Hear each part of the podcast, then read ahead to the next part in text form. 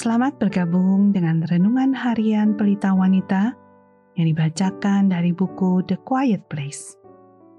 Pembacaan Alkitab hari ini diambil dari 1 Korintus 1 ayat 26 sampai 31. Ingat saja, saudara-saudara, bagaimana keadaan kamu ketika kamu dipanggil menurut ukuran manusia tidak banyak orang yang bijak, tidak banyak orang yang berpengaruh, tidak banyak orang yang terpandang.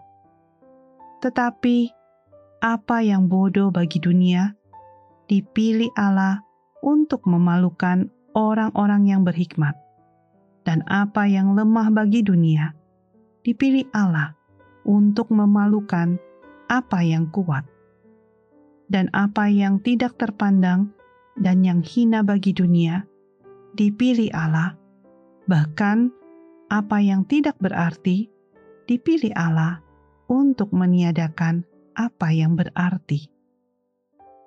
Supaya jangan ada seorang manusia pun yang memegahkan diri di hadapan Allah.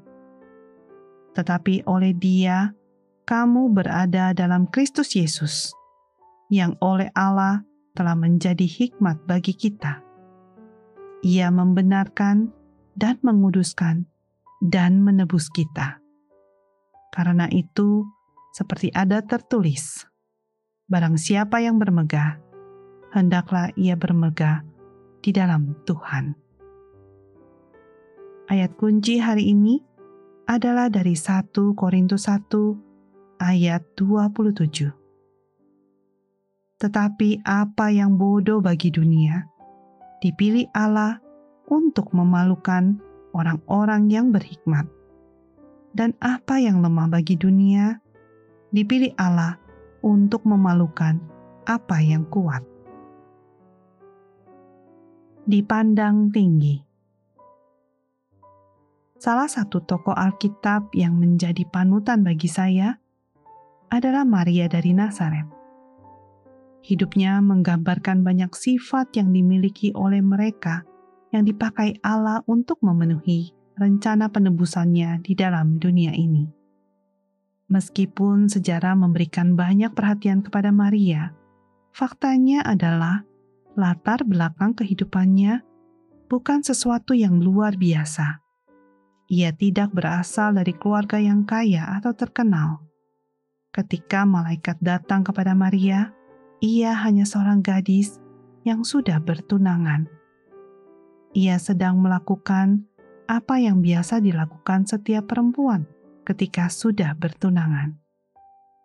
Ia memikirkan pernikahannya, rumah yang akan ditinggalinya bersama Yusuf, akan keluarga, dan masa depan mereka. Saya rasa ia tidak menyangka hidupnya akan dipakai dengan cara apa pun yang luar biasa signifikansi wanita ini yang memainkan peran yang demikian penting dalam rencana penebusan Allah tidak didasarkan hal-hal yang dipandang tinggi oleh dunia kita. Latar belakang, kecantikan fisik, kepandaian, pendidikan, bakat, dan talenta yang dialami, apa yang membuat hidupnya penting dan berarti adalah relasinya dengan Tuhan Yesus kita tidak akan pernah mengetahui keberadaannya jika bukan karena fakta bahwa ia memiliki hubungan dengan Tuhan. Inilah yang membuat perbedaan dalam hidupnya, dan hal ini juga yang akan membuat perbedaan besar dalam hidup kita.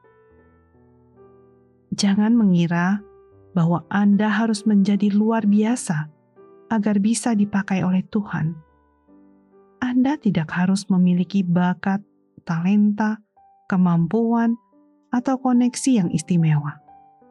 Allah adalah ahlinya dalam menggunakan orang-orang yang biasa, di mana keterbatasan dan kelemahan mereka membuat mereka menjadi alat-alat yang ideal untuk mencerminkan kebesarannya dan kemuliaannya identitas Anda yang sesungguhnya tidak dapat ditemukan dalam pekerjaan pasangan, anak, dalam posisi, atau hal-hal yang Anda miliki.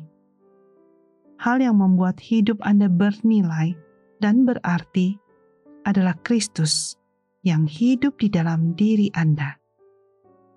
Hal yang membuat Anda dapat digunakan bagi rencana-rencana kerajaannya adalah hubungan Anda dengan Dia dan tanggapan ketaatan pada panggilannya dalam hidup Anda. Sebagai penutup, mari kita renungkan pertanyaan ini. Apakah Anda kadang merasa lebih rendah dibanding mereka yang terlihat sangat jelas melayani Kristus dengan hebat? Bersyukurlah kepada Allah, karena Ia bisa memakai siapa pun yang mengenalnya dan bersedia dipakai olehnya dengan cara yang tidak terbatas.